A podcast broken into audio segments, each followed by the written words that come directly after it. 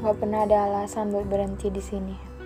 Iya, kamu udah nyampe di titik tengah antara kamu di masa lalu dan kamu di masa depan. Kalau capek ngebut, ya jangan santai aja. Kalau masih capek juga, ya udah, mampir dulu ke apotek healing biar nggak pusing.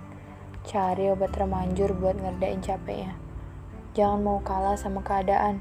Momen-momen di mana semua rasa lelah kamu ada, itu juga bakalan lewat gitu aja kok. Sama kayak yang dulu-dulu. Selangkah lagi menuju apa yang kamu mau. Kita emang sesekali perlu menepi dari penat yang berkepanjangan agar bisa kembali menjalani hari. Ya, walaupun gak semuanya bakalan berakhir bahagia, tapi harus tetap dijalanin kan.